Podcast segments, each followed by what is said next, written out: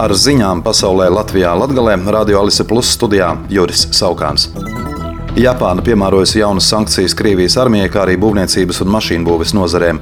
Tās ietver līdzekļu iesaldēšanu 17 personām un 78 grupām, tajā skaitā augsta ranga militāra personām, preču eksporta aizliegumu organizācijām, kas saistītas ar Krievijas armiju, un aizliegumu uz Krieviju eksportēt būvniecības un inženiertehniskos pakalpojumus. 80 organizācijām, tajā skaitā mobilo telefonu operatoram Megafon, piemērot eksporta ierobežojumi, ziņo Japānas valdības preses pārstāvis. Japānas valdība nosoda Krievijas plānu izvietot Baltkrievijā taktiskos kodolieročus, norādot, ka tas vēl vairāk sācinās situāciju. Kā zināms, Baltkrievijas līderis Aleksandrs Lukašenko vakar paziņoja, ka Maskava sākusi kodolieroču pārvietošanu uz Baltkrieviju.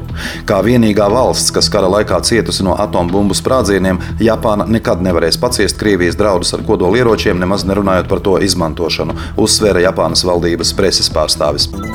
Vācijas iekšlietu ministre Nensija Fēzere aicinājusi palielināt policistu skaitu uz robežas ar Poliju un Čehiju, lai ierobežotu nelegālo imigrāciju. Ministrija vakar paziņoja, ka federālā policija biežāk veids pārbaudes uz robežas un vietējos policistus uz robežas atbalstīs mobilās vienības. Ideju par stacionāru robežu kontroli uz robežas ar Poliju un Čehiju Fēzere noraidījusi. Par to tika ziņots jau trešdien.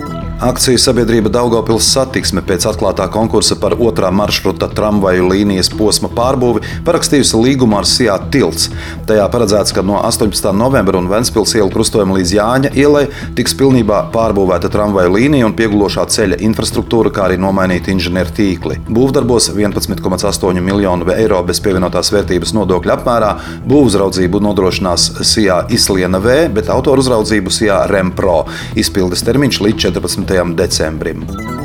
Reizeknas domas deputāti nolēma valsts kasē aizņemties 3,35 miljonus eiro Reizeknas rekreācijas centra izveidēji. Projekta mērķis ir teritoriju revitalizācija, sakārtojot Reizeknas pilsētas degradētās teritorijas, nodrošinot vidē draudzīgu un vidas ilgspēju veicinošu teritoriālo izaugsmi un jaunu darba vietu radīšanu. Aizņēmuma atmaksa jāgarantē no Reizeknas pilsētas pašvaldības budžeta līdzekļiem. Tikmēr pašvaldība turpina strādāt pie investoru piesaistes, kas nodrošinās rekreācijas centra darbību un nākotnē plānotās viesnīcas būvniecību Roundtable. Šodien un rīt zemkopības ministrs Dīdzis Šmits no apvienotā saraksta darba vizītē apmeklē Balvu novadu. Malnavas koledžā bija tikšanās ar biedrības Latgales ražojošo lauksaimnieku apvienību biedriem un iepazīšanās ar koledžas materiālu tehnisko bāzi, kur ēkas remontā un komunikāciju maiņā šogad zemkopības ministrija novirzījusi 300 tūkstošus eiro. Pēcpusdienā ministrs tikās ar AgroGreen projekts pārstāvjiem, apmeklēja Baltiņavas pagasta zemnieku saimniecību riekstiņu un zemnieku saimniecībā amatnieki pārunāja mežu nozarē aktuālo.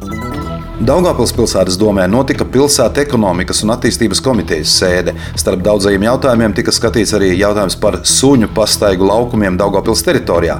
Par šo tēmu plašāk pilsētas plānošanas un būvniecības departamenta vadītāja Santa Pupiņa. Pilsētas plānošanas būvniecības departaments pēc Igora Aleksēva lūguma uz pilsētas saimniecības un attīstības komiteju sagatavo ziņojumu par suņu pastaigu laukumiem Daugopils apkaimēs. Šis jautājums, tāpat kā dzīvnieku kapsētas izveide, ir ļoti aktuāls jau daudzus gadus. Šobrīd Daugopilī ir pieci suņu pastaiga laukumi. Tie ir fiziski un morāli novecojuši. Tiem nepieciešams labiekārtojums, apgaismojums un jauns aprīkojums. Pilsētu plānošanas būvniecības departaments piedāvā vēl desmit iespējamās vietas jaunu suņu pastaigu laukumu izveidošanai. Tika nolemts šogad uzsākt darbu pie divu jaunu suņu pastaigu laukumu ierīkošanas. Iespējams, ķīmiķu ciematā un jaunbūves apkaimē, un esošā laukuma atjaunošanu un uzlabošanu. Aicinu pilsētas iedzīvotājus iesniegt priekšlikums par apkaimēm, kur būtu nepieciešams izveidot jaunus suņu pastaiga laukumus, rakstot pilsētplānošanas būvniecības departamentam uz e-pastu.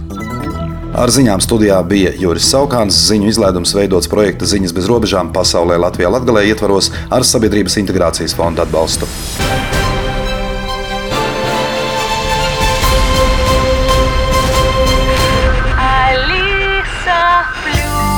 Radio